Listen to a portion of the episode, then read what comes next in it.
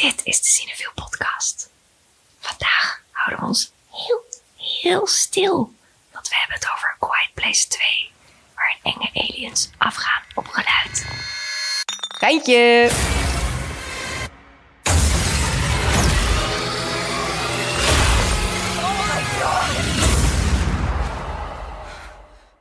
We hebben het dit keer inderdaad over A Quiet Place 2, het vervolg op het monstersucces A Quiet Place uit 2018. Maar we praten zo hard we willen, want het is maar een film. A Quiet Place heeft een simpele premisse die vooral in een muisstille bioscoopzaal werkt als een trein. Het is altijd spannend als de mensheid iets moet laten om het kwaad te slim af te zijn. Niet meer zwemmen, zoals in Jaws. Niet meer kijken, zoals in Bird Box. Seksloos door het leven gaan, in It Follows. Bij de hypersensitieve monsters in A Quiet Place moet je vooral je mond houden. Gelukkig zijn mensen daar super goed in. There are people out there worth saving. You don't know, do you? Well, I do.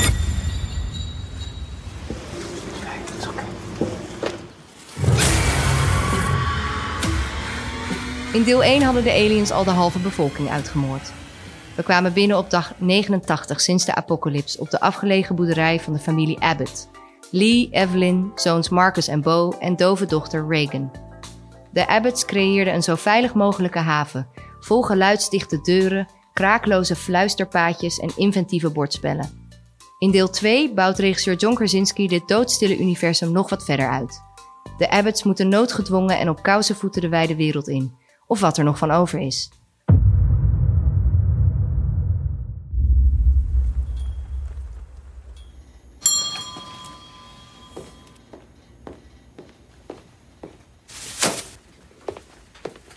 Meer personages, meer locaties, meer monsters, maar nog net zo weinig geluid. A Quiet Place 2 is misschien meer nog dan deel 1 een oefening in sounddesign. Wat laat je horen en wat vooral niet? En wat doet het met je als je als kijker niet eens meer op je popcorn durft te kauwen? Omdat we het over sounddesign hebben, hebben we vandaag een hele bijzondere gast. Foley artist Daimo da Costa. Hij schuift aan in de tweede helft van deze podcast. Ik ben Lauren Murphy en ik ben redacteur bij Cineville. En bij mij aan tafel zitten mijn collega's Jente Buskus en Fien Veldman. Hallo. Hallo. Hallo. Hallo. Hoe stil waren jullie in de zaal? Ja, heel. Stil, stil. Ik vond het echt heel eng. Ik zat echt zo... Ik wilde dus af en toe een beetje zo'n gilletje... Hoe zeg je dat? Slaken? Slaken, ja. Ehm, Zo maar eng. dan zitten er nog andere mensen in de zaal. En dat is ten eerste gewoon gênant. En ten tweede voelt het gewoon dan meteen alsof je iets heel erg verkeerds doet. Ja. klopt. En ik zat naast jou op de rij. Want we waren naar de persvoorstelling in Pathé Arena. Voor het eerst in heel lang weer eens. En we zaten heel ver uit elkaar. Maar op een gegeven moment was er een moment wat zo eng was... dat de hele rij soort Je van... voelt echt die Dus stoelen. Iemand schrok fysiek heel erg. Ik en denk dat nog ik steeds dat dat jij het was. was. Ja. Ja, als ik zeg maar niet kan gillen, dan ga ik gewoon heel erg met mijn lichaam soort van... Ja, die energie moet ergens Ja. naartoe. ja. En jij, Fien? Ja, ik vond hem ook dus echt heel eng. Dus dat eh, juist doordat hij zo stil is. Want dan, eh, weet je wel, bij heel veel ja, een beetje enge films hoor je aan de muziek wat er staat te gebeuren. Mhm. En dat is hier niet bij. Dus dat, eh, ja, dat vond ik heel goed gedaan. Want je hebt hem En- ook in een zaal gezien. Ja, ja, ja, in de filmhallen. En het Ja. was helemaal uitverkocht en het was echt geweldig. Ja. Ja. Want deze film moet je gewoon Ja, wel echt ja, in een ja, bioscoop zien. Ja, Toch? gewoon Net voor dat, voor dat geluid. Ja. ook wel echt wel voor het, het grote doek. Maar Mhm. het geluid, dat, eh, ja, dat speelt gewoon zo'n belangrijke rol. Ja. Ja, en ook wel, zeg maar, zelfs al heb je een hele goede sound system thuis of soort van thuisbioscoop, Nee, rijke mensen situatie. Ik vond, ik, ik werd er wel meteen helemaal aan herinnerd waarom het ook alweer zo fijn is om met heel veel vreemde mensen in een zaal een film te kijken. Dat je echt die, die emoties gewoon allemaal tegelijk Ja. voelt. Of inderdaad zo'n zo'n rij stoelen dan voelt meetrillen. Ja. Ehm, Gedeelde smart ja. is halve smart. Zeg maar, als je, als, als je lokale filmtheater eh, niet de beste geluidsinstallatie heeft, dan moet je hem alsnog daar gaan kijken, denk ik. Ja. Ja. Ja, horror teert gewoon ook heel goed op een zaal met mensen. Ja. Ja. Gedeelde angst hebben we twee jaar. Nou, een ander soort angst hebben we twee jaar mogen mee, van een jaar mogen Maar dan in helaas. isolatie. Ja, precies. Ehm, dit is dus een, we gaan het zo direct nog even hebben over eh, waarom A Quiet Place ook vanwege het geluid vooral in een grote zaal en op een groot scherm met een mooie geluidsinstallatie gekeken moet worden. Ehm, maar dit is een deel 2. En ik weet nog dat ik deel 1 eigenlijk niet zo'n hoge pet, of niet een hoge pet, uiteindelijk dus wel een hoge pet van op had, maar niet zulke hoge verwachtingen van had. Ik dacht, oké, nee, het is weer een soort formulaische horrorfilm geregisseerd door die dude uit The Office. Met, met een of andere gimmick. Weet je, ja, met weer zo'n logline die Ja. inderdaad in van mijn monsters gaan dit keer af op geluid. Wel, ik dacht slim, maar het zag er, weet je, de poster zag er ook een beetje zo generiek uit. Dus ook ik dacht, nou ja, maar hij ging toen ook in een paar Cineville theaters draaien. Dat vond ik wel spannend. Ik dacht, nou, misschien is het toch iets onafhankelijker of iets minder blockbustery dan ik Ja. dacht. En dat is toen een gigantische hit geworden ook die zomer. Ja. Of zo. Ja. Ik weet eigenlijk niet wanneer die uitkwam, maar... ehm, en ik snapte heel goed waarom, want het is gewoon zo goed gemaakt. Ja. Ja. En nu bij twee dacht ik, ben benieuwd of ze dat kunnen repliceren. Of dat ze, dat ze, weer, het, of dat ze weer hetzelfde trucje gaan doen. Maar ik vond hem eigenlijk ook heel goed, maar op zijn eigen manier. Ja. Eh, maar wat, wat was het met deel 1 wat het voor jullie zo goed maakte? Los van het geluid, want daar gaan we het zo over hebben. Nou, eh, dat is heel klein gehouden eigenlijk. Dus eh, in deel 1 speelt het zich alleen maar af op die boerderij van die familie. Mhm. Ehm, en je weet eigenlijk dus helemaal niet wat er is gebeurd. Mhm. Dus de, ja, jij noemde het net in de intro de apocalypse, dus zeg maar de invasie van, van aliens, dat weet je dan nog wel. Ja. Eh, We gaan trouwens wel spoilen. Dat heb ik Ja, niet oh gezegd in de spoilen. introductie. Dit was nu na, na deze gigantische spoiler. Maar we gaan er gewoon vanuit. ja, maar als je één trailer hebt gezien. Je weet dat er Ja. monsters in zitten, dat is geen spoiler. Maar we gaan waarschijnlijk ook wel echt wat dingen spoilen. Dus als je ze nog niet hebt gezien, één of twee, ga ze dan vooral kijken. Want dan wordt het echt wel leuker om dit te luisteren. Maar het is echt heel moeilijk om geen dingen te spoilen. Dus dat gaan nee, we toch vooral als je het over sequels hebt. Precies. Ja. Maar dus je zei, Eh. Fien, je zei van het was heel klein gehouden. Ja, het is heel klein gehouden. Je weet dat er aliens eh, zijn, zijn geland op aarde of uit En de volgens mij weet je dat in de openingsscène zoiets. niet eens. Nee, je komt binnen op dag negen. Er staat er Ja, klopt. Ja. maar inderdaad, dat is het. Dus een soort van, het is eigenlijk al heel lang gaande. En dat is er gewoon heel goed aan. Dat dus de, de grote actie is al geweest. En dan Mhm. kom je gewoon in de situatie waarin ze zich bevinden. Eh, en op die boerderij. En dat is het. Alles Ja. speelt zich daar af. Er Ja. gebeurt ook niks buiten die boerderij. Nee. Ja, ik vond die worldbuilding ook echt heel goed gedaan in deel 1. Dat je, je ze beginnen volgens mij met een, de openingsscène is dat ze een bordspelletje spelen Ja, of zo. klopt. Mhm. Met van die En dan eh, zo stil mogelijk dus. stof En dan eraan. Ja, dan Ja. gooit iemand ook een de lamp echte om. openingsscène of- is natuurlijk met, met het vliegtuigje. Dat Oh is ja. mij de echt. Maar dat is meer een soort pre, Ja. pre-scène dan. Oh, dat was ik al even vergeten. Ja. Maar Oh, fijn. Maar ehm, dat, dat daarin, zonder dat iemand gaat uitleggen, of dat je zo'n nieuwscast hebt waarop eh, Ja. alles woord voor woord wordt verteld van wat er gebeurd is. En eh, eh, van die gesprekken die niemand ooit zou hebben als de apocalypse gaande is. ja, Die zitten er gewoon niet in. Je ziet gewoon mensen een bordspelletje spelen en vanuit daar ontdek je wat er nou eigenlijk aan de hand is. En ehm, ja, die, er is niet een soort van heel irritant exposition gesprek. Dat vond ik Nee. heel, heel fijn aan die film. Dat je, dat je ook een beetje geduld wordt aangeleerd of zo. Mhm. Van ja, je komt er vanzelf wel achter wat er aan de hand is. Ehm, ja, en ik vond het ook, wat ik er ook leuk aan vond, is dat je de personages gewoon best wel tof waren. Wat ook moe- soms best Ja. moeilijk is in horror, weet je, dat het een beetje plat kan voelen en dat je wel... Het is ook, ook wel vrij generiek, weet je, echt zo'n zo'n All-American Family of zo. Maar Heel wel heel... typisch, Het is ja. natuurlijk ook John Krasinski en Emily Blunt zijn in het echt ook een stijl. Zij spelen hier en dus ook een getrouwd stijl. En ik, ik wil altijd geloven dat dat dan uitmaakt. Wat je ziet op het scherm, ook alle interviews rondom de film zijn zo, zo chill en cute van hun samen. Ehm, dus, en die, met die kinderen en zij best wel veel aandacht voor haar personage ook en Ja. hun dochter.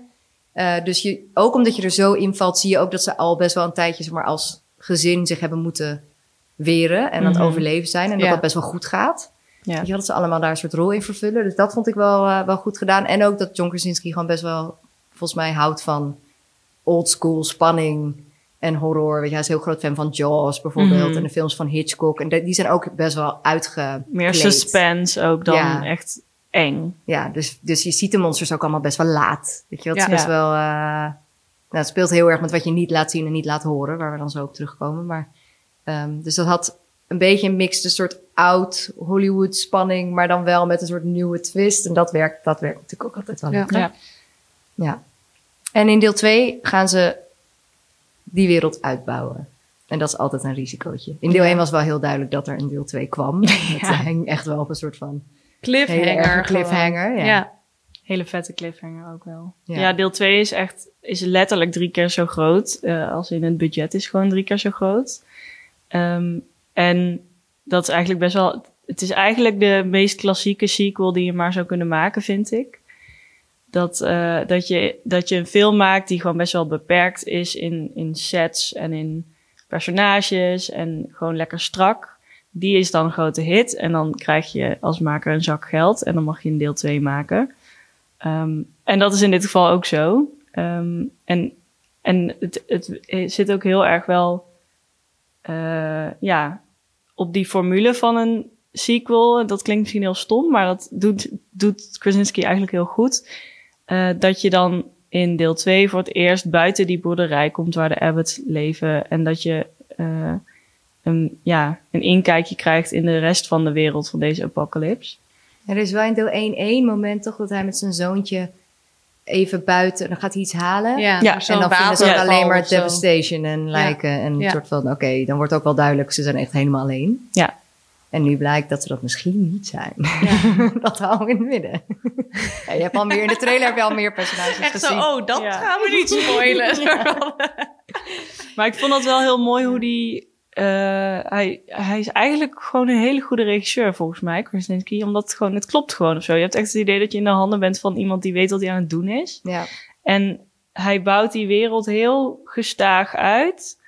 ehm, op een manier die gewoon heel erg klopt en heel erg ja, logisch voelt of zo. eh, zonder te haasten of ook zonder juist weer alles te herhalen wat je in die eerste film al lang hebt gezien.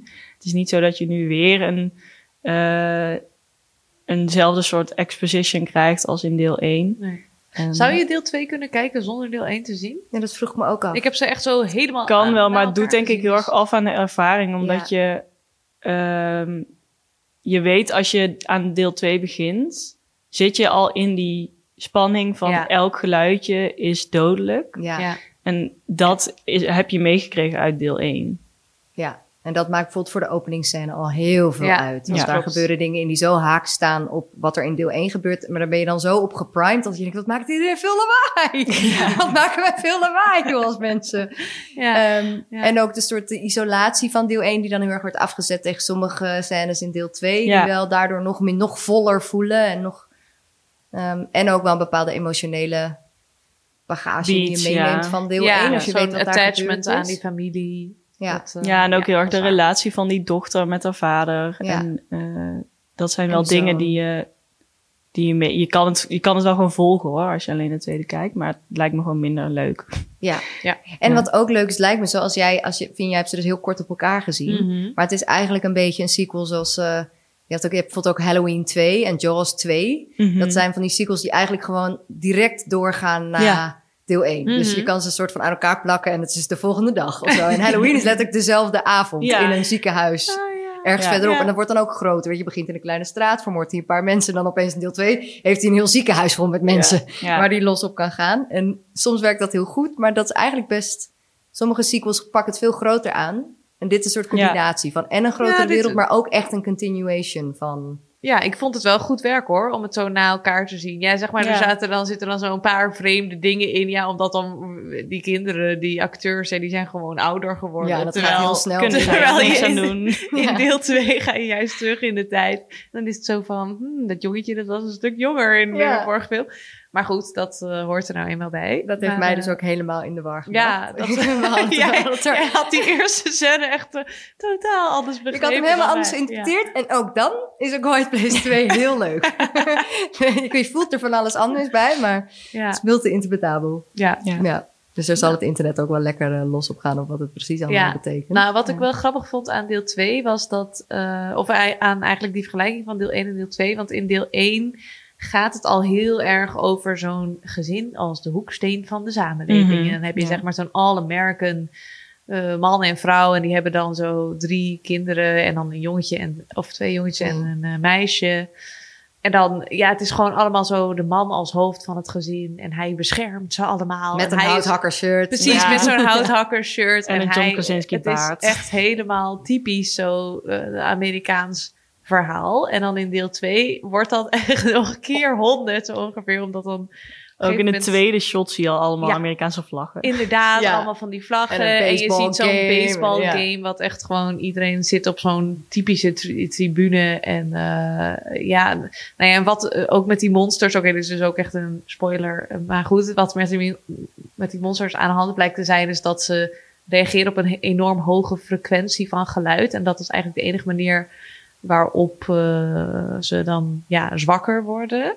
Maar dan moet er toch altijd nog iemand komen met een vuurwapen die ze vermoordt met een pistool of Ja. een geweer. Ja. En dat is ook zo Amerikaans. En dat vind ik gewoon, ja, het is ook wel grappig, maar ook heel irritant. Ja, maar ik denk wel dat het ook een beetje bewust is, omdat het dus juist zo dan een beetje speelt met die klassieke horrorfilms, waarin dat ook al Ja, zo is. ook als, net als Ja. in Jaws eigenlijk. Ja, zo'n zo'n Ja. small town. En je ziet ook in deel 2 zie je ook letterlijk een verwijzing naar Jaws. Er Ja, is een soort klopt. van Brody's Tavern of zo, staat er ergens naar Ja, en naar het einde van Jaws. Ja, Maar dat, ga ik niet spoilen. Oh, oh, citroentje. ja. Of is het een spoiler als mensen al Jaws gezien hebben, maar A Quiet Place niet? Mm, Nee, weet ik. Hmm. Dat weet ik niet. Maar hoe dan ook, weet je, oh, het is niet echt een spoiler om het over het einde te hebben, want Quiet Place 3 is al aangekondigd op IMDb. Ja. Krasinski had wel gezegd dat hij eigenlijk geen sequel wilde maken. Want hij, hij wilde het juist, hij had zoiets van, ik heb nu gewoon iets, Iets ja, gemaakt, iets gemaakt. ja. Maar dat hebben ze toch opengelaten. Maar dan wilde hij wel onder voorwaarde dat hij het dan vanuit het, helemaal vanuit het perspectief van ehm, Reagan, van eh, Millicent, Millicent Simmons. Ehm, die actrice kon doen. En dat vind ik wel tof werken ook in deel 2. Ik vind haar Ja. wel echt, zij is gewoon zo'n cool personage. Ja, dus dat heb je ook nodig voor een goede sequel. Toch dat je echt invested bent Ja, in een paar personages die gewoon echt, die, weet je, als daar iets mee gebeurt, ben je helemaal kapot. Zeg Ja. maar. Dat is niet ik denk, ik snap ook wel dat hij geen, geen sequel wilde maken, want sequels ook, hebben we gewoon echt een slechte reputatie, Reputatie. eigenlijk. Ja, waar komt dat door? Nou ja, het is gewoon een hele makkelijke cash grab of zo. Ehm, en in de hele geschiedenis van Hollywood hebben studio's gewoon altijd al sequels gemaakt, omdat je dan al. Je hebt ten eerste al een verhaal waar je alleen maar op hoeft voor te borduren. Dus je kan elke random screenwriter inhuren. Eh, ten tweede heb je je publiek ook al, want iedereen was al fan van deel 1 en komt sowieso tot op Ja. zekere hoogte wel terug. Het is gewoon heel, heel makkelijk. Ehm, maar daardoor zijn er dus ook heel veel hele erg slechte sequels. Dat je ook echt een beetje het gevoel krijgt van... oké, ben ik nu aan het kijken naar, naar iets wat gemaakt is door filmmakers... of gewoon door een Ja, paar mannen in, ja. ja, in maatpak... die dan eh, Ja. dachten van, oh, dit werkt. Dus dit gaan we nu in een andere formule toepassen. Ja. En er worden ook... Je hebt natuurlijk ook van die franchises zoals Transformers of Saw of zo... die dan gewoon Ga maar door. die, ga, die houden gewoon niet op. Ja. en dan op een gegeven moment denk je, ja, sorry, maar er zijn maar zoveel manieren waarop je iemand kan martelen. Ja. Saw. Looking at you, Saul. ja. En, en ik denk dat daardoor ook heel veel... Ik, ik hield ook mijn hart een beetje vast toen, toen bekend werd dat er een A Quiet Place 2 kwam. Want ik dacht van, oh, maar deze Ja. film is gewoon rond. Het is gewoon... Ja, hij vet, was niet rond, maar hij is dan wel je dacht. Ja. En hij is strak. En ik hoef niet meer, eigenlijk. Maar eh, dat heb ik eerlijk gezegd nu alsnog met A Quiet Place deel 3. Maar Ja, ik denk ook, ik ja, ook, ik ga ja. er toch wel naartoe. Ja, ondanks dat hij dus... En die wordt Ja. dan wel door iemand anders geregisseerd. Door Jeff Nichols, die Mud heeft gemaakt ook. Zo'n avonturenfilm met Matthew McConaughey. Die eigenlijk ook leuker was dan je dacht. Ja, precies. Dat soort, dus op zich zou dit best weer, weer zo'n regisseur kunnen zijn die er iets leukers van maakt. Ja, maar ik, ja, ik vind ook A Quiet Place, Place 2 be- bewijst ook wel dat, dat het wel kan. Ja. Er zijn ook zoveel zulke goede sequels namelijk. Maar je moet natuurlijk Ehm. vernieuwen en voortborduren tegelijk. Of helemaal iets anders doen. Je hebt dan van Saul nu toch ook de... Je van die reimaginings. Ja. En Opeens gaan ze, doen ze een spaak tussen de Klopt, formule van... ja. We gaan het helemaal Ah, anders ja. doen. Ja. En soms werkt dat goed. Dat Ja. dan Nightmare on Elm Street heb je er iets van acht. En toen opeens kwam Wes Craven met Wes Craven's New Nightmare. En toen werd hij heel meta. En dan, toen werd het Dan werkt het weer wel, maar dan ja. Nightmare on Elm Street-achtig. En dan dus ook vaak met dat soort hele lange series werkt het volgens mij heel goed om gewoon te googlen. Als je nog niks kent, gewoon wat zijn de beste delen? Ja. Ja. 1, 2 en 7. Oh, oké, dan ga ik die kijken. Ja, en dan is het ook bij, bij zo'n Wes Craven's New Nightmare, dan, die begrijpt gewoon heel erg goed wat de fanbase is en wat die willen. Wat en die dat is ook precies. prima. Ja. Ehm, en ja, ik vind het wel ook interessant dat eh, alle best gerate Rotten Tomatoes films bijna allemaal sequels zijn. Of in ieder geval veel daarvan zijn sequels. Van de best rated Rotten Tomatoes? Ja, Tomatoes. tomatoes. Oh, sorry. Lord is Nou ja, het was eerst was het.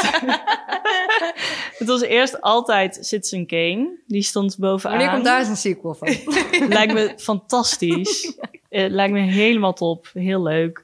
Ehm, totdat die, die had volgens mij dan eh, eind- eindelijk één keer een herontdekte slechte review. Dus die viel van zijn 100% rating af. En toen was Paddington 2 de best gerate Ja, film op dat Rotten Tomatoes. Na Twilight, Jente's meest besproken film van vorig jaar. Iedereen moet Paddington 2 kijken. ja, echt waar. Dat is Zo'n echt- lieve film. Maar wacht Het even, Jente, eh, kan je Paddington 2 ook kijken zonder Paddington 1 hebben gezien? Ja, Oh, zeker. oké, ja. ja. Ik raad wel enorm aan ook weer om Paddington 1 eerst te kijken. Maar Paddington 2 is wel echt gewoon Ja. cream of the crop. Ehm, maar daar is dus ook recent weer één slechte review van de 246 eh, opgegraven. En nu is de nummer 1 Toy Story 2. En ik moet zeggen, Toy Story 1, 2, 3, 4... Zijn Allemaal, allemaal, goed. goed. Dat is wel echt een, een serie waar je nooit een bijl aan kan eh, vallen als Ja. je gaat kijken. Ja, en ook heel veel van die, van die classic eh, IMDb top 150 films zijn ook... Ja, Godfather 2, Ja. The Dark Knight, eh Sommige zijn Aliens. beter, toch? Of daar Zoveel is beter, over. ja. Ik vind ook, je hebt ook heel veel van die arthouse sequels die zichzelf dan geen sequel willen noemen. Maar bijvoorbeeld eh, Before Sunset is ook gewoon een sequel ja. eigenlijk. En trois Ja. couleurs, bleu, Ja. bleu, bleu, rouge en, de- en die andere. Dus het is echt niet altijd zomaar maar een, een cash grab. Zolang je zeg maar nog een, een nieuw verhaal te vertellen hebt en, en iets Ja. te zeggen hebt. Ja. eh, dan, Maar dan, blijft het gewoon interessant. Ja, ik op zich is het ook... een oh. sequel, is een sequel alleen maar een deel 2? Nee, toch? Er kan toch ook een deel 4, 5, 6 heet dan toch ook Ja, een sequel? Want soms noemen ze dat dan ook een threequel, maar Oh. het is, zijn allemaal een sequels. ja. prequel. Of course, prequels en reimaginings zoals Ja. Suspiria van. Suspiria. Je hebt ook een midquel. Heel veel van die Star Wars films zijn dan Ja. tussen gebeurtenissen in andere films in. En heb je ook endquals, zoals Infinity War of zo, waar alles samenkomt. Ja, ik hoop in ieder geval dat het anders heet. Ik vind het een heel mooi neologisme. Ja. Nou ja, het is, het, is, het is een kerstkou, maar het is ook iets wat soms dan tot hele mooie, wel mooie dingen kan leiden. Ja. Want eigenlijk bijvoorbeeld, eh, onze vorige podcast ging over Wong Kar Wai. Maar In the Mood for Love, Days of Being Wild en 2046 is eigenlijk gewoon Ook een trilogie, ja. Maar dat zou je niet... Maar dan wel met personages die zich net anders gedragen. Weet je, telt dat dan ook? Ja, dan is het misschien een reimagined sequel of zo. Ja. ja, en hoeveel moet je inderdaad weten? Want bijvoorbeeld bij Paddington 2 is het wel leuk om één te hebben gezien om te weten waarom hij zoveel marmelade houdt. Ja, Dat wordt in deel 1 uit de doeken Misschien zegt als je dat over niet het weet, dan begrijp je Paddington eigenlijk gewoon niet. Daar komt het dan op begrijp je er neer. helemaal niks Nee. van. ja. ja, en moet je bijvoorbeeld voor Quiet Place in het begin bij deel 1 weet je eigenlijk niet zoveel van die monsters af. Nee, Nee. maar dan is er wel, want jij had het net over dat, ik wil heel vaak in films heb je zo'n eh, nieuwsuitzending waar dan alles wordt uitgelegd zo in één keer. Zo weet je alsof iemand een film maakt over corona en dan zo in één keer zo alles van Ja. heel jaar eh, gaat vertellen. Children of Men Eh, is dat toch ook heel erg? Dat je er opeens invalt. Ja, Nee, dat er zo'n nieuwscast is Ja, van... Oh, er is nog... De laatste 18 jaar Ja. is net overleden. precies. Ja, dus dat het echt zo... eh, nou ja, maar dat heb je dus in deel 1 heb je dat inderdaad niet. Maar je hebt wel dus zo'n krant die er dan ligt. En dan staat Ja. er zo...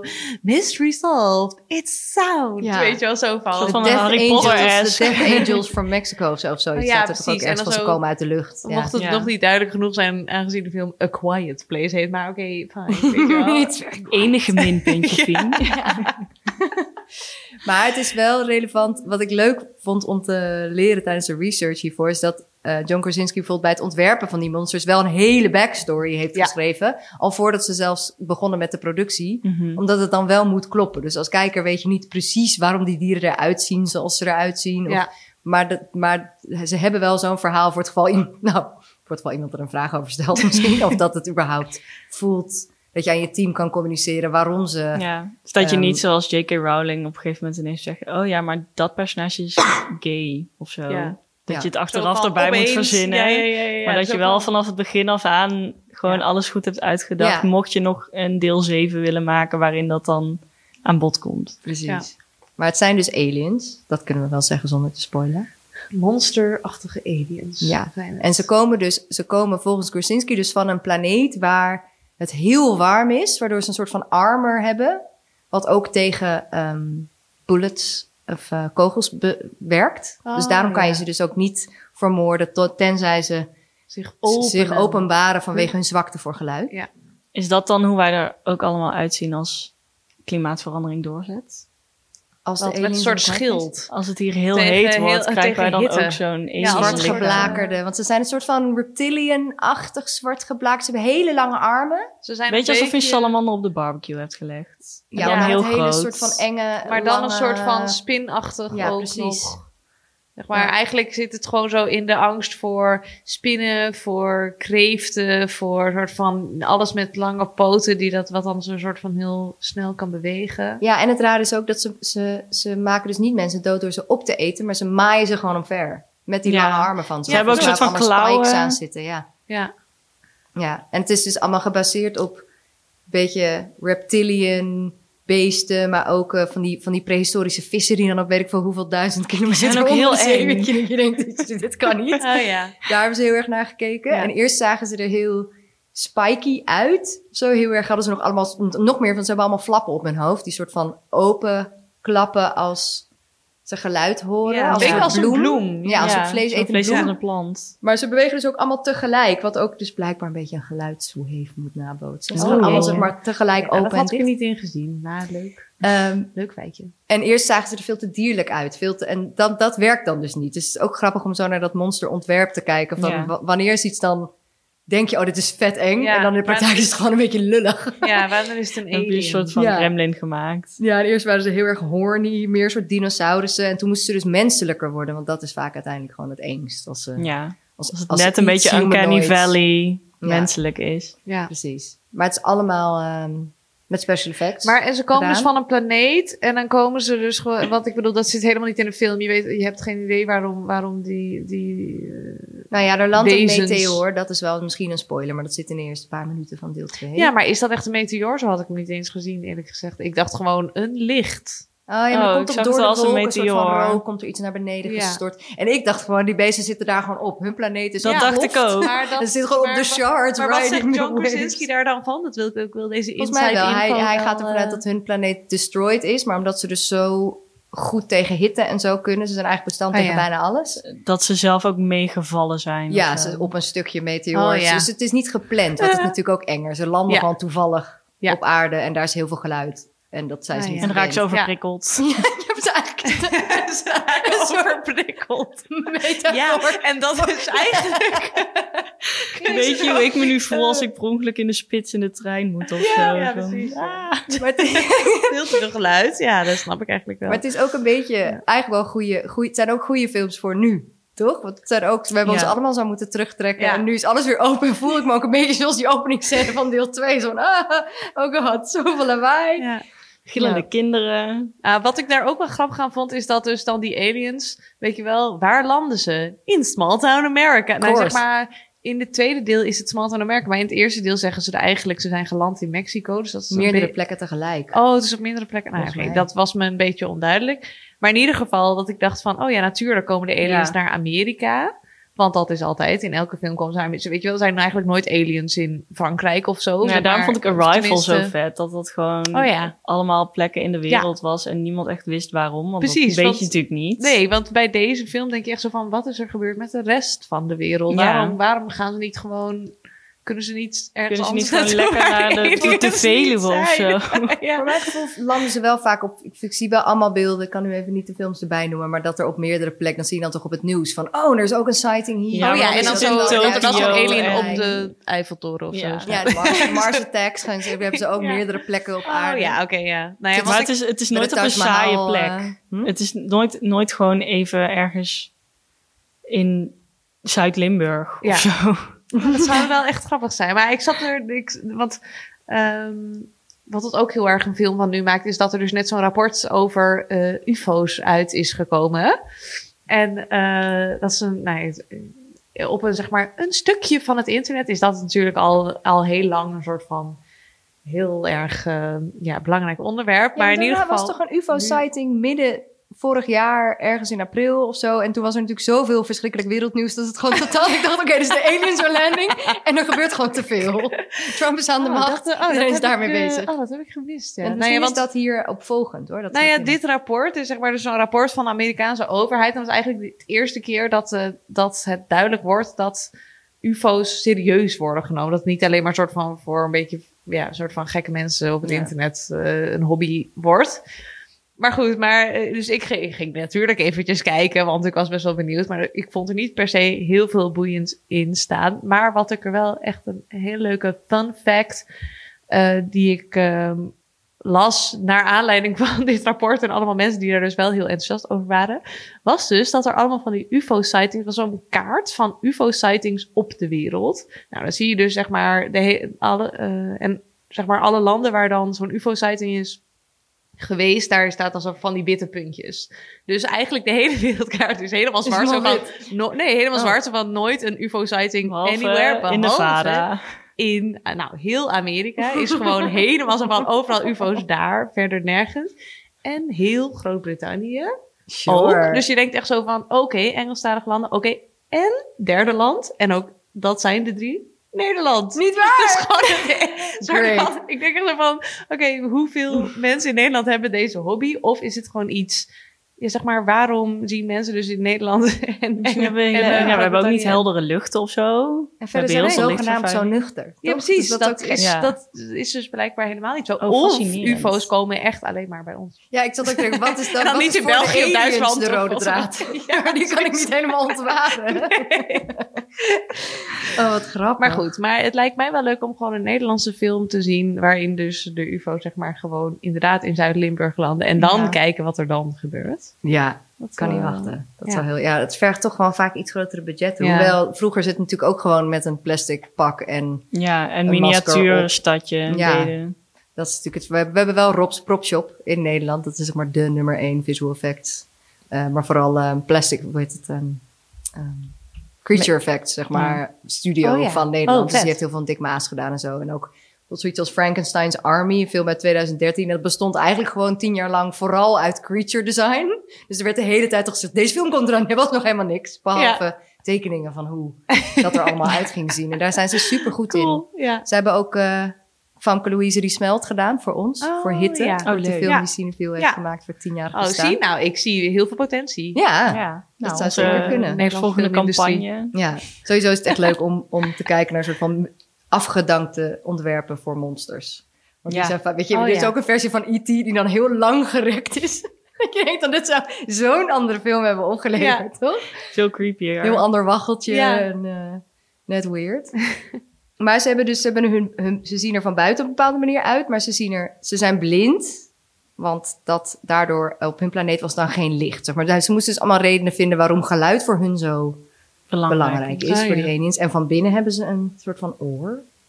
Ja. Dat is dus heel Het hele hoofd is heel goor. Heel vies. Ja, gross. Echt gross. Het ziet er Maar dus oren zijn een ook gewoon beetje best wel uit vies. als, alsof je met zo'n medisch cameraatje ergens naar binnen gaat bij een mens, toch? Een soort Ja. van precies Ja. wat je denkt van, oh, je mag, u mag meekijken, mevrouw. Nou nee, het is oké. Ja, ik kijk de andere kant op. Ehm, maar eh, eh, dat, ze maken zelf ook geluid.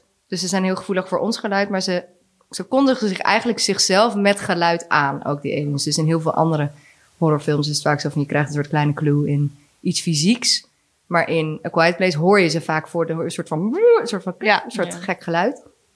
Beetje Dus- dolfijnachtig. Ja, een beetje tik-tik. Dat wat ze van het echo-geluid, Ja. wat inderdaad sommige dieren maken om, eh, om in de omgeving mee af te tasten. Ehm, dus ik had aan jullie gevraagd of jullie je favoriete monstergeluiden mee wil nemen. en daar gaan we een quizje van maken. Yay. Quiz time. En voor dat quizje wil ik dan eigenlijk even Daimo alvast aan tafel vragen. Yes. Hoi, Yes. welkom. Quizje is leuker met z'n vieren dan met z'n drieën. Eh, jij hebt ook een geluidsfragment meegenomen van een monster Ja, ja. uit een film. Ik ga het even laten horen en dan mogen Fine en Jente raden uit welke film dit komt.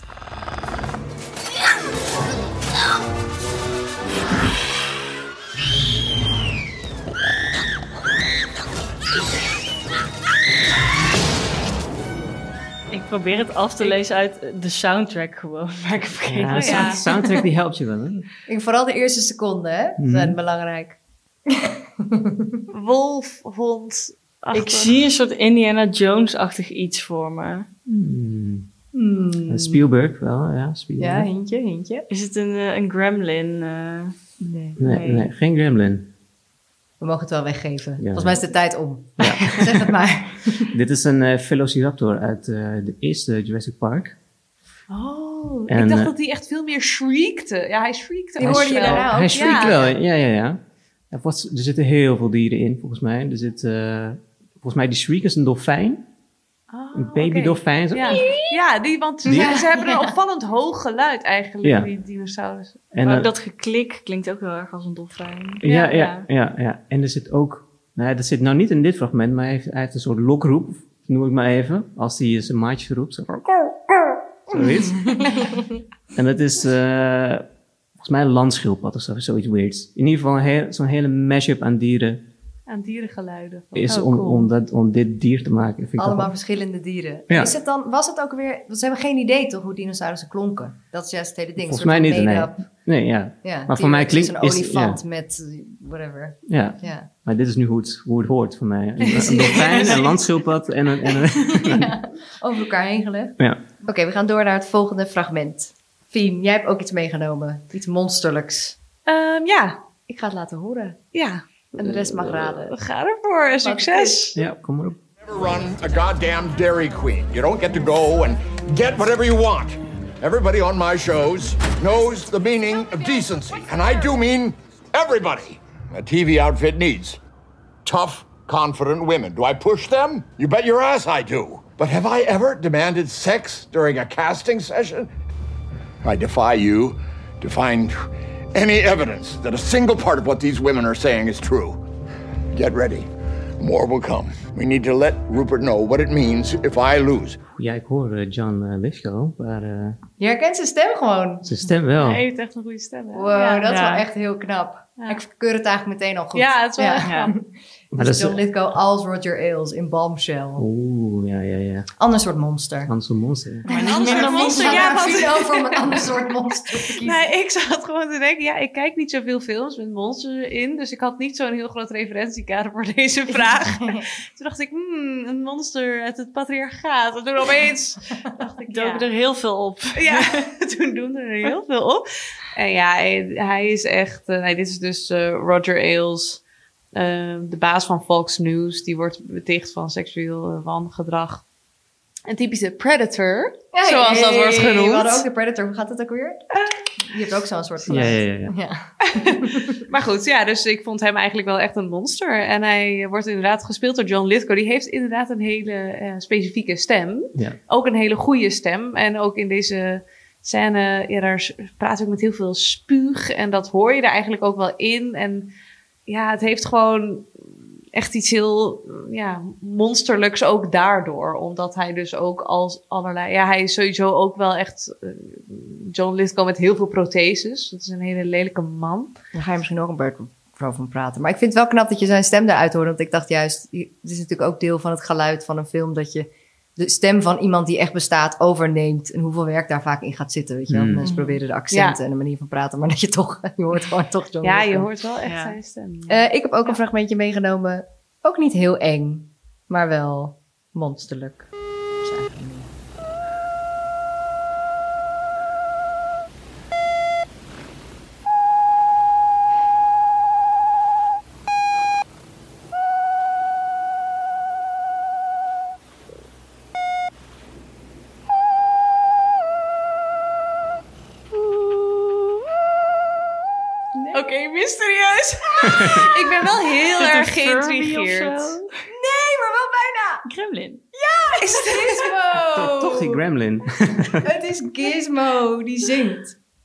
Ik heb dus nooit Gremlins gekeken, maar het voelde wel zo. Wow, dat is dan echt knap. Ja, dat is wel echt... Hij is nog geen gremlin, want hij heeft nog niet gegeten na 12. Hij is de de lieve, de Furby. lieve Furby, ja. Het is de lieve Furby, die dus ook daar Furby echt op gebaseerd Ah, is, ja. ja. Maar het grappige is, dat wist ik dus niet, maar de stem, ik denk niet dit zingen, dat weet ik niet zeker. Maar als hij praat, praat jongen, praat een beetje zo. En dat is dus eh, Howie Mandel. Oh, wauw. Ja, Canadese comedian die dus blijkbaar een super weirde voice actor ook is. Nooit geweten. Ehm, van, eh wat er uit zo'n spelshow. Wat is ook weer die spelshow? Ja, deal, X- or, X- deal or no X-Factor deal. of zo heeft hij ook op Ja, eh, deal or no deal. Dus, eh, en dat vind ik sowieso vind ik dat heel grappig als er echte mensen achter dat soort iconische monsterstemmen zitten. Want E.T. is bijvoorbeeld een vrouw. Dus ik ook die gewoon heel veel rookte. nou ja, nee, zo. Die zou praten. Heel vet. Pat Welsh heette die. Eh, dus dat was Gizmo. En het laatste fragmentje is wel weer heel eng. Heeft Jente meegenomen. De rest mag raden.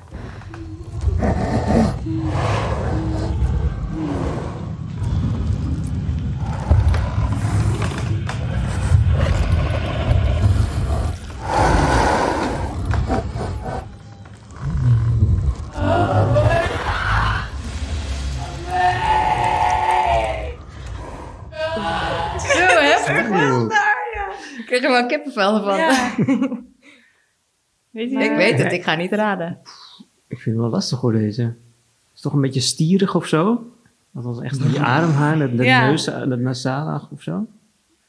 Nou, en iets wat een mens aan het eten is, zo klinkt het. Ja, nou, het is ook een hint. De visuals ja. zien er ook een beetje uit alsof er nog een mens in dit wezen verwerkt zit, half. Oh, ik weet niet of deze hint nou daar... Oh, weet ook niet of het als je hem hebt gezien, dan het is een soort... Is het eh, van Pan's Labyrinth of zo? Nee, Nee, dat was ook een leuke geweest. zeker. Nee, het is uit eh, Annihilation. Oh, ja, ja, Van, ja. eh, Welke? wie is? Alex ook weer? Garland. Alex Garland, ja, van Ex Machina. En het is een gemuteerde beer. Die, eh, spoiler alert voor mensen die Annihilation nog niet gezien hebben. Hij, hij gromt dus ook, dat hoor je aan het begin. Maar wat hij dus ook doet, en dat maakt het heel naar, is dat hij de laatste woorden van zijn laatste slachtoffer soort van herhaalt, gemuteerd herhaalt. Dus je, je hoort iemand zo help me. Het is een soort memory bear. Oh. Ja. Echt heel relaxed. En, dan ze- en dan zegt die beer Die dus beer, ook zo ja, van... dat, dat komt dus, dat, maar dat roept niemand, dat komt gewoon uit hem. Oh, uit de beer. zo. Ja. Oh, dat komt uit... Oh. Want het En in deze idee is toch scène dat het DNA, de, dat het DNA soort van in elkaar wordt In opgenomen elkaar wordt en zo in en Annihilation. Dus, en ja. En in Ja. deze scène is het dus ook zo dat, dat eh, een van de personages dus eh, dat hoort, dat help me. En dan denkt van, oh, ik moet eh, haar te hulp schieten. Maar dan is ze dus al dood. Eh, en dan is het dus die beer. Het is echt heel, het is ook een hele vieze beer. Ja, het is een hele gore beer. Inderdaad, ik zei net van er zit een mens in, maar dat is het, er zit wel een mens in. Ja. Maar geluidstechnisch zit er Ja, een ja, mens ja. in. Wacht even. Het is een hele gore beer, ja. Sowieso Ja. al die wezens in die film zijn heel vies. Ja, ja Dat ook wel mix. mooie hertjes en zo. Ja, maar ook een soort exposed.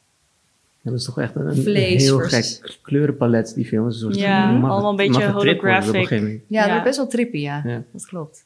Ja. Nou ja, het, vaak zijn het dus dingen die je niet... Dit zal dan inderdaad... Het klinkt ook een beetje alsof het teruggespoeld wordt, toch? Dat soort... eh, Ja. Alsof het dus ook een soort schimmerrijk van... Ja. Je kan het ja, net, ja. Niet, net niet aanraken. En soms zitten erachter geluiden van monsters dan dingen die je helemaal niet verwacht. Zoals dat in A Quiet Place blijkbaar dat, ehm, dat getik van de monsters hebben gemaakt door... eh, Omdat ze toch iets elektrisch wilden. Ze hadden het geprobeerd met allemaal hele organic dingen. Mhm. En toen hebben ze het gemaakt door uiteindelijk zo'n stun gun op druiven taser. te zetten. Omdat Ja. dan het meest op mensenhuid lijkt of zo. Duimo, heb je dat ook? Ja, Gelezen? omdat het, en de, ja wat ze, ze waren toen aan het experimenteren volgens mij in de studio. Van ja, hoe, wat gaan we nou taseren? Blijkbaar zonder de mensen gebruiken.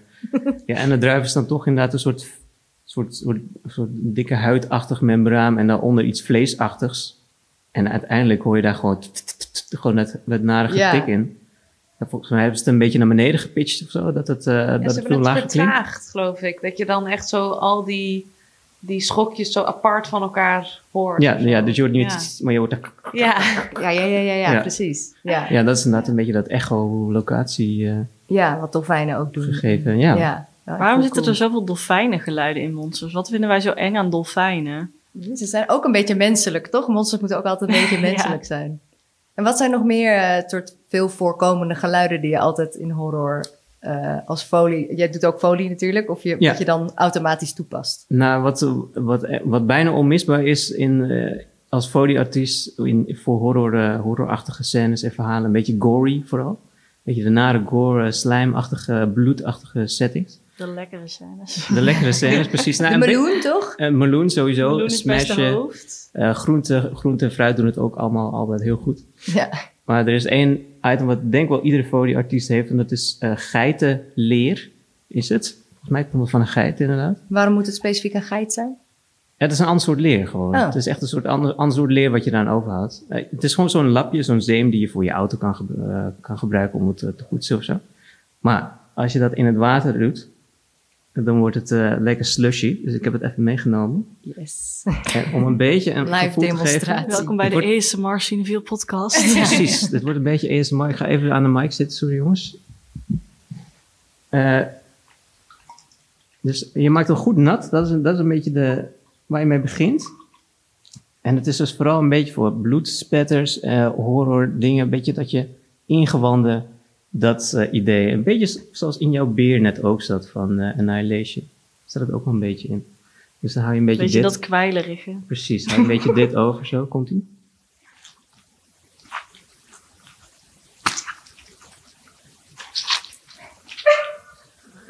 Goor. Het is zelfs goor als je het live ziet gebeuren en niet alleen hoort. Het is ook zo'n vies zeemlapje.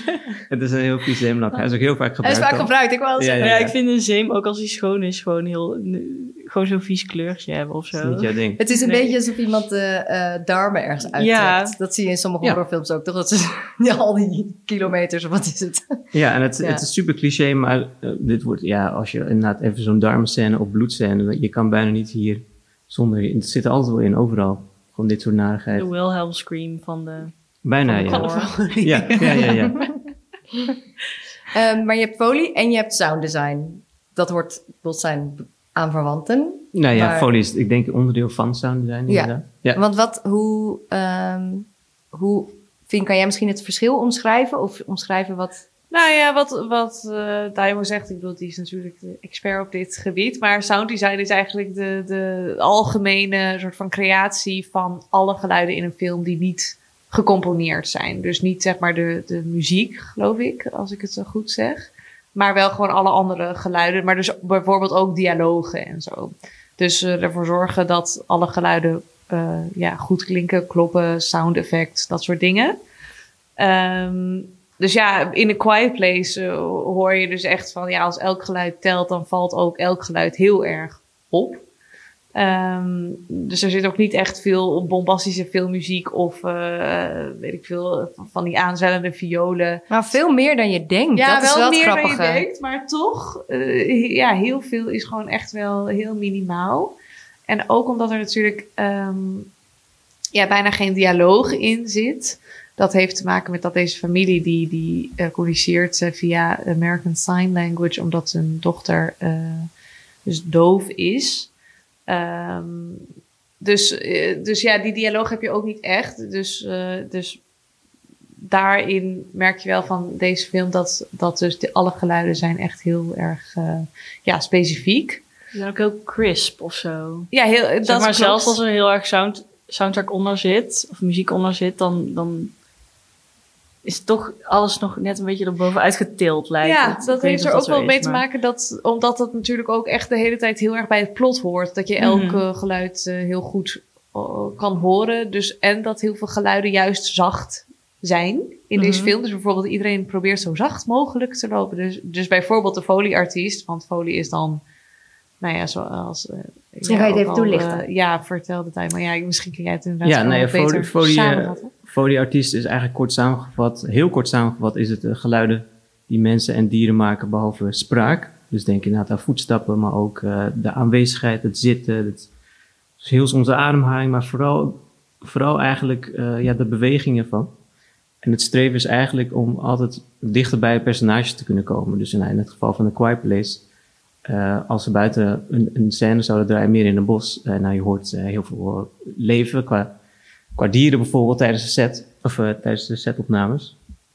En nou is het in die film ook zo van ja, elk, alles wat geluid maakt is dood in principe. Of tenminste, die wordt, dat is een doodvonnis als je Ja. geluid maakt. Ik las ook ergens dat ze niet eens, dat het opvalt dat ze bijvoorbeeld niet eens crickets hebben, want niks overleeft. Nee. Zeg maar, zelfs de Oh ja. insecten zijn Exact, dood. Exact. Dus zelfs, dus zelfs dieren en zo, eh, die maken geen geluid, want ja, dan, dan is het klaar. Ja. En dus in die film is het voor hun dan juist dus ook de uitdaging geweest van, ja, norma normaliter heb je gewoon zo'n heel breed palet wat je kan gebruiken qua achtergrondgeluiden of eh, noem maar op.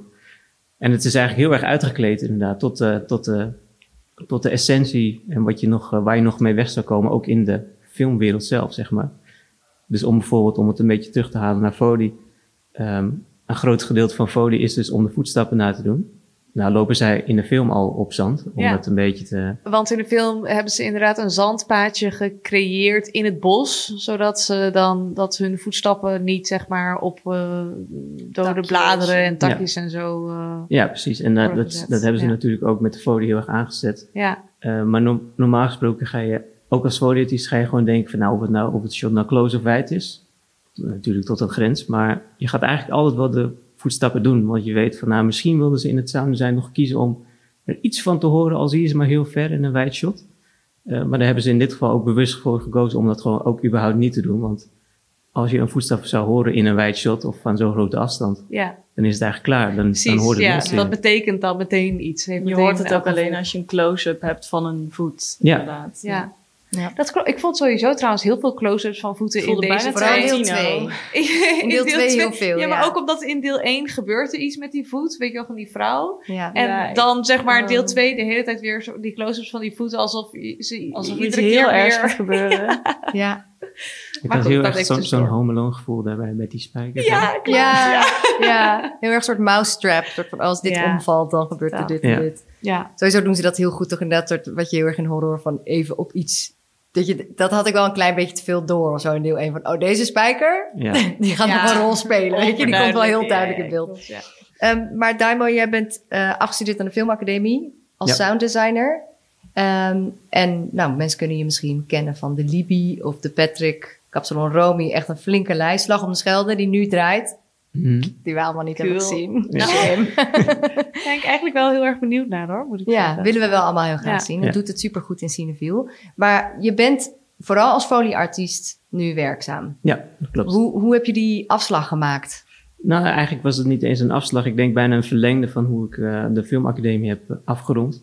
Althans, daar heb ik ook in mijn eindexamenjaar eh, heel veel films van folie voorzien. En ik vond het gewoon eigenlijk het leukste, leukste onderdeel van, eh, van het sounddesign.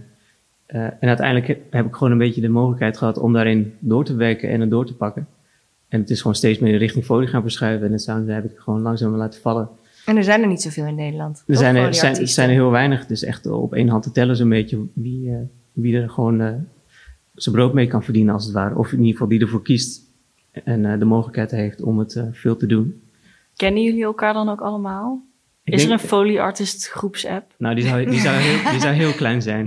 Ja, helemaal. Ja, gaat niet. ja. Nee, maar ja, ik denk het wel. Ik bedoel, eh, het is, het is zo'n klein wereldje. Ja. Je weet van nou, als ik de foto niet doe, dan weet, weet ik dat. Nou, dan doet hij het. Of en andersom gaat het bijna. Dus eh, dat klopt wel, ja.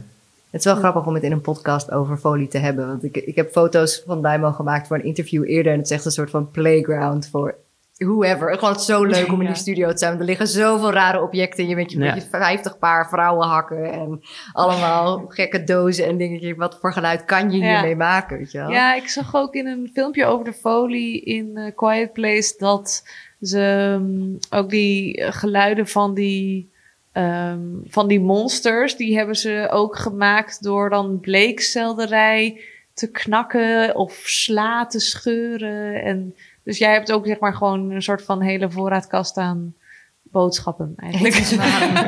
Etenswaren. Nee, die houdt natuurlijk niet zo lang vol. Maar, Nee, eh, ja. Tien soorten meloenen. Ja. Ja, nee, ja, voor als, je, als je echt zo, soms heb je wel zo'n sessie dat je, dat je een, een vechtscènes of meerdere vechtscènes hebt in een film of serie, noem maar op. En soms dan heb je echt wel baat bij een beetje zo'n, even zo'n sessie doen met inderdaad, je gaat gewoon naar de boodschappen, even naar de, naar de supermarkt en je haalt gewoon letterlijk groenten en dingen om kapot te maken eigenlijk. ja. En dan Eet je zit- die daarna dan ook op? Nou, nee, nee, nee. Ja, bammer. Maar eh, ja, eigenlijk, het klopt wel wat je zei, Lauren. Van, ja, het is- eigenlijk is alles voor een folieartiest is gewoon een soort instrument. Het kan van alles zijn. Het, hoeft, het mag stuk zijn of, of, of van ieder materiaal. Maar het is maar net hoe je het, eh, hoe je het manipuleert en gebruikt eigenlijk. Hoe je het Ja. inzet. Ja. Ik zat opeens te denken dat ik niet weet of A Quiet Place voor een Oscar genomineerd was toen de tijd voor de sound design dan. Volgens mij wel. Dat kan bijna niet anders, toch? Volgens mij genomineerd, dacht ik. Ja, want het is echt zo'n film waar je... Je kan er niet omheen, want het is ook deel van het verhaal, letterlijk. Maar het is... ik- In ieder geval wat ik lees van de, de, de sounddesigners van de film... dat het ook een soort droom is om zo'n soort film te maken. Heb jij dat dan ook... Als je naar zo'n film kijkt, denk je... "Damn, ik zou ook zoiets willen doen. Of ben je dan heel erg aan het opletten dat je het niet meer... Omdat, omdat je er zoveel van weet dat je eigenlijk niet normaal meer naar zo'n film kan kijken. Nou ja, je weet, je weet gewoon, de, de mensen die daar aan het geluid hebben gewerkt... die al het geluid, nou wat Fien eigenlijk net zei... dat is heel bewust gekozen. En dat is eigenlijk altijd zo. Maar doordat het zo uitgekleed is, dan valt het gewoon, valt het, eh, krijgt alles veel meer op de voorgrond eigenlijk. Dus ook als folieartiesten weet je gewoon van, nou, die hebben heel goed werk moeten afleveren. Want als ze er maar een beetje naast zitten of je gelooft iets niet, dan eh, val je eigenlijk door de mand. Dus eh, in, dit, in dat geval is zo'n project als dat, nou ja, als dat ooit op je pad zou komen inderdaad. Als je weet gewoon, nou, er wordt kritisch geluisterd. Of in ieder geval de, de kijker en de toeschouwer wordt uitgedaagd om te luisteren. Ja. Ja. Dat zijn eigenlijk de mooiste projecten om, eh, om als geluid eh, te verzorgen. Ja. Ja, dat is precies, ja, uitgedaagd worden om te Ja, luisteren. precies. En wat ook wel opvallend is, is dat eh, omdat die dochter doof is, eh, ja, bekijk je af en toe de film en beluister je dus ook de film vanuit haar perspectief. En het opvallende daaraan is dat je dus opeens eh, een soort stilte hoort. Ja, is dat een, eh, eh, is dat een bepaald, wordt daar een bepaald iets voor gebruikt om opeens die stilte, ja, snap je wat ik bedoel? Zo'n Ja, moment ja. dat dan Hoe opeens design in je de stilte zaal... eigenlijk? Hoe Ja, hoe, design stilte? krijg je die stilte voor elkaar? Want dat is wel echt heel knap gedaan, vind ik, in deze film. Nou ja, dat, is- dat is eigenlijk inderdaad een goede vraag. Want hoe, de stilte kan niet bestaan zonder geluid eromheen eigenlijk. Je hebt altijd het contrast nodig tussen de twee. Eh, en A Quiet Place eh, deel 1 en 2 speelde natuurlijk heel slim mee met het meisje die, eh, die doof is. Haar perspectief. En ik weet nou niet meer of het er nou in zit, maar je hebt ook veel verschillende soorten stiltes. Nou, je hebt, en een van de stiltes die je veel gebruikt, of, of waar, je, waar je, die je heel spaarzaam in moet zitten, dat moet ik eigenlijk zeggen, is technisch stil. Dus dat betekent dat er gewoon letterlijk niks uit de speakers komt. Dus. Oh ja. alles is helemaal leeg. Ja. En dat is vrij uniek, eh, omdat het, het voelt als een fout eigenlijk. Want in het echte leven voelt alsof heb het je dat geluid nooit. is uitgevallen Nee, het, dan. het Ja. voelt alsof het geluid is uitgevallen. Als je in een bioscoop zit, dan, dan hoor je ineens de, de airconditioning die je normaal echt niet zou horen. Ja. Eh, en ook als je een film als dit maakt en je hebt er een letterlijk gat tussen zitten in je geluid, dan eh de, de geluid wordt heel vaak gecheckt en gecontroleerd van nou, klopt het allemaal? Krijg je vaak ook opmerkingen van hé, hey, eh, er zit hier komt er geen Fout. geluid uit deze speaker, klopt het wel? Is het, wat? En dan moet je bewust terugkoppelen van nee, nee, dat is de bedoeling. Maar het wordt, ja, het wordt eigenlijk altijd gezien als een fout, omdat het gewoon, ja, er is al- meestal altijd wel iets aan een laag. Eh, maar technisch stil is een van de meest krachtige momenten om inderdaad de kijker echt even te confronteren van, kijk, dit gebeurt er.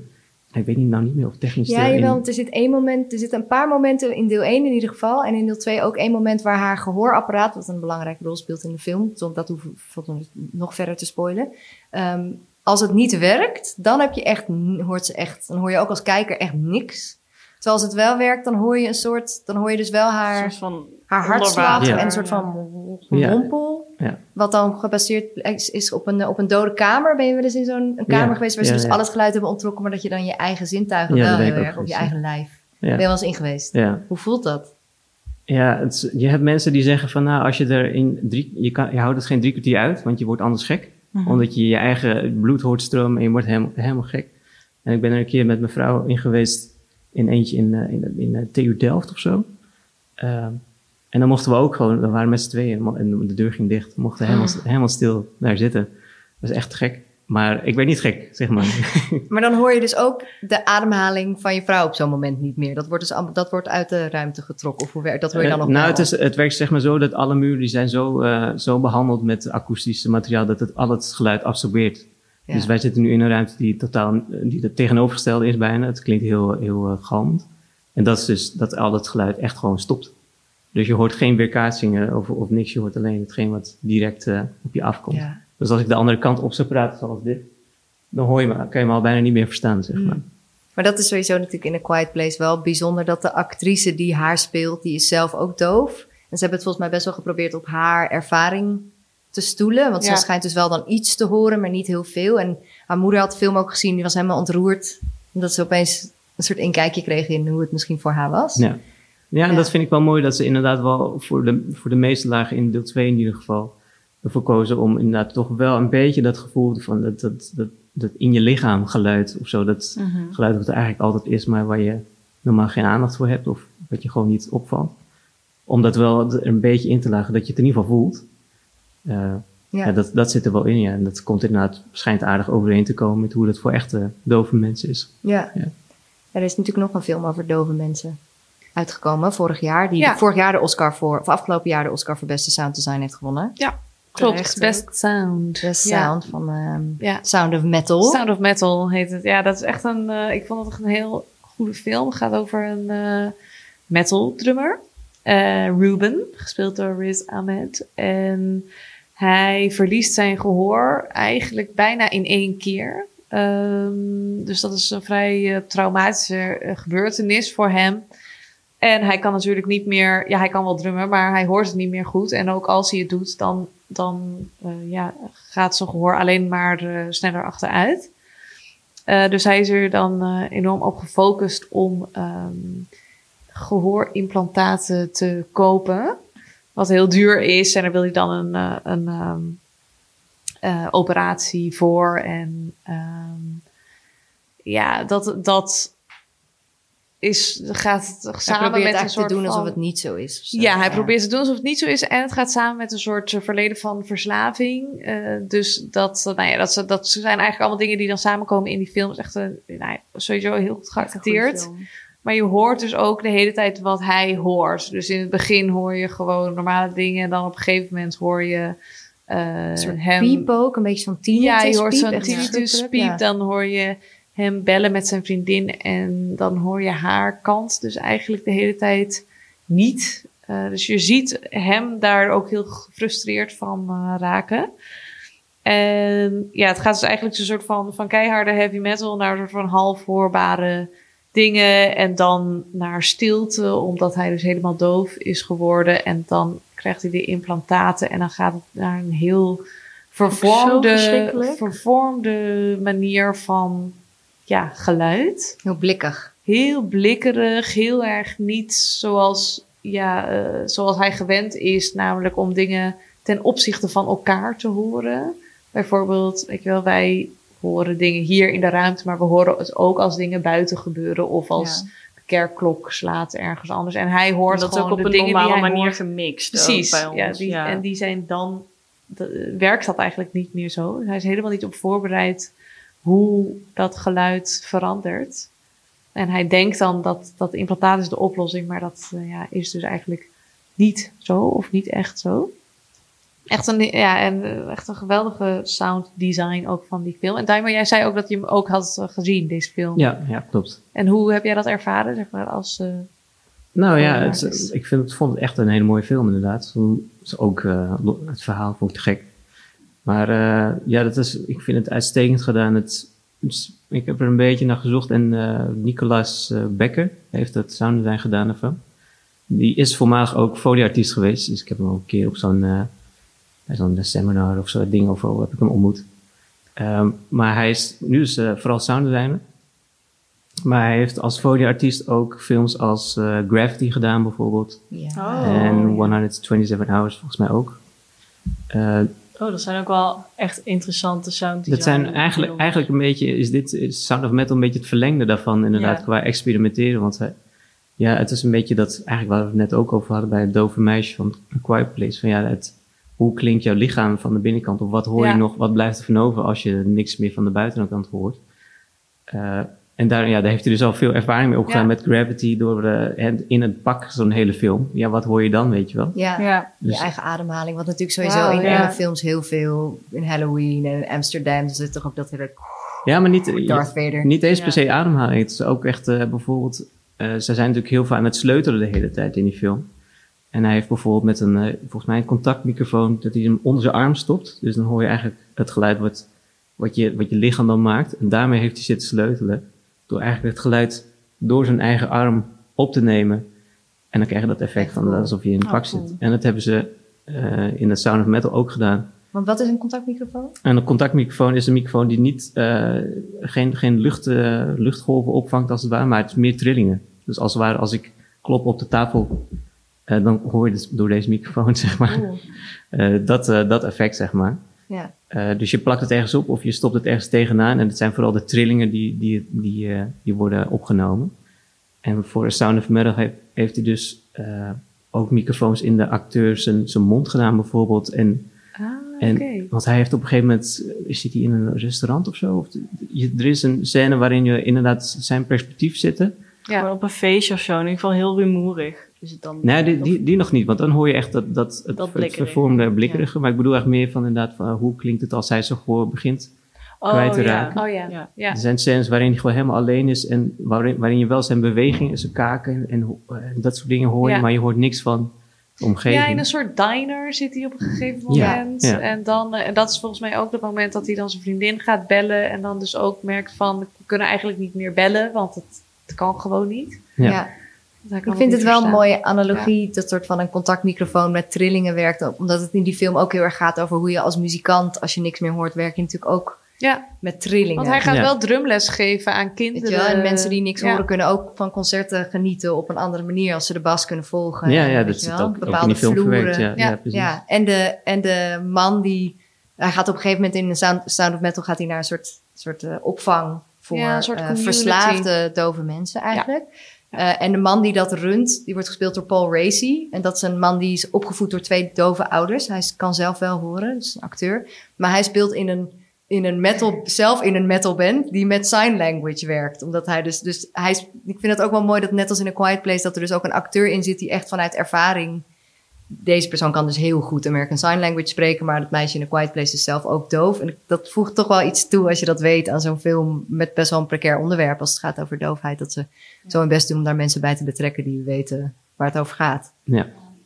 En ik ben ook nog wel benieuwd naar, ehm, je hebt toch ook zoiets als eh, een bepaalde mix die geschikt is voor bioscopen en een bepaalde mix voor thuis. ja, klopt. Want ik had bij Quiet Place heel sterk erin van dit moet je. We hadden het er net in het begin ook al over van dit moet, dit moet je gewoon op groot scherm zien. Niet alleen omdat je in de zaal ook je adem in aan het houden bent en zo. En niet geluid wil maken, wat een leuke ervaring is. Maar ook dat er ook waarschijnlijk iets verloren gaat als je dit thuis kijkt. In hoeveel moeite mensen hebben gestopt voor de soundmix van Ja. zo'n film als dit. Nou ja, denk alleen maar van als je thuis kijkt, de, de wasmachine staat aan ergens in je huis. De buren die maken geluiden, je woont misschien langs de straat. Gewoon dat alleen al, dat gegeven, dat levert al zoveel op dat je eigenlijk al veel minder focus kan, kan geven aan je, aan je geluid.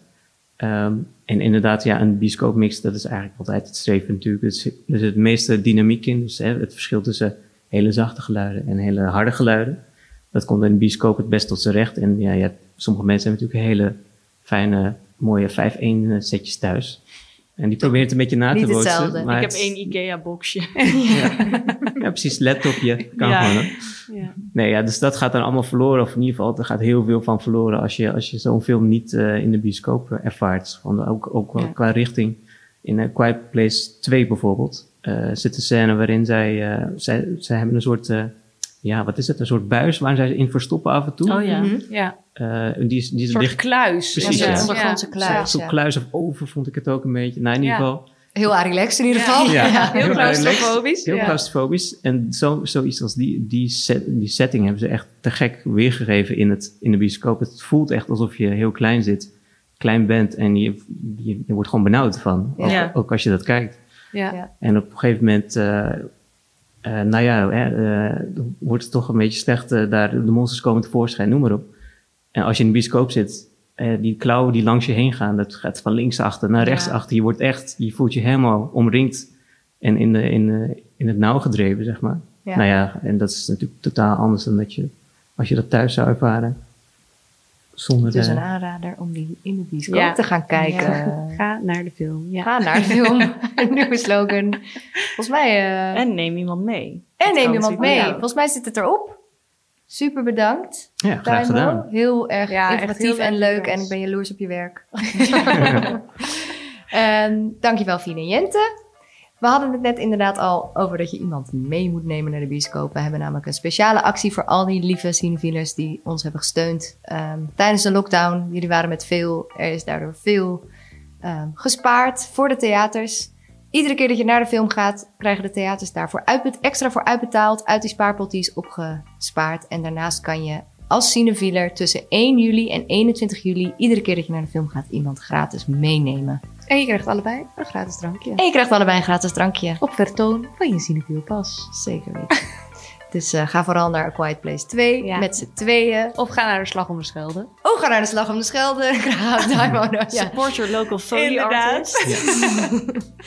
Er, eh, er is ontzettend veel te zien. Dus eh, ga in grote getalen.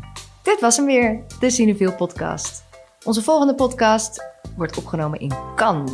Yay, want we mogen weer reizen. Eh, volg ons vooral op uh, podcast.cinewiel.nl en als je vragen hebt of mee wil kletsen, kan je ons mailen op podcast.cinewiel.nl of tweeten op @cinewielpod. Tot de volgende. Doei! Doei!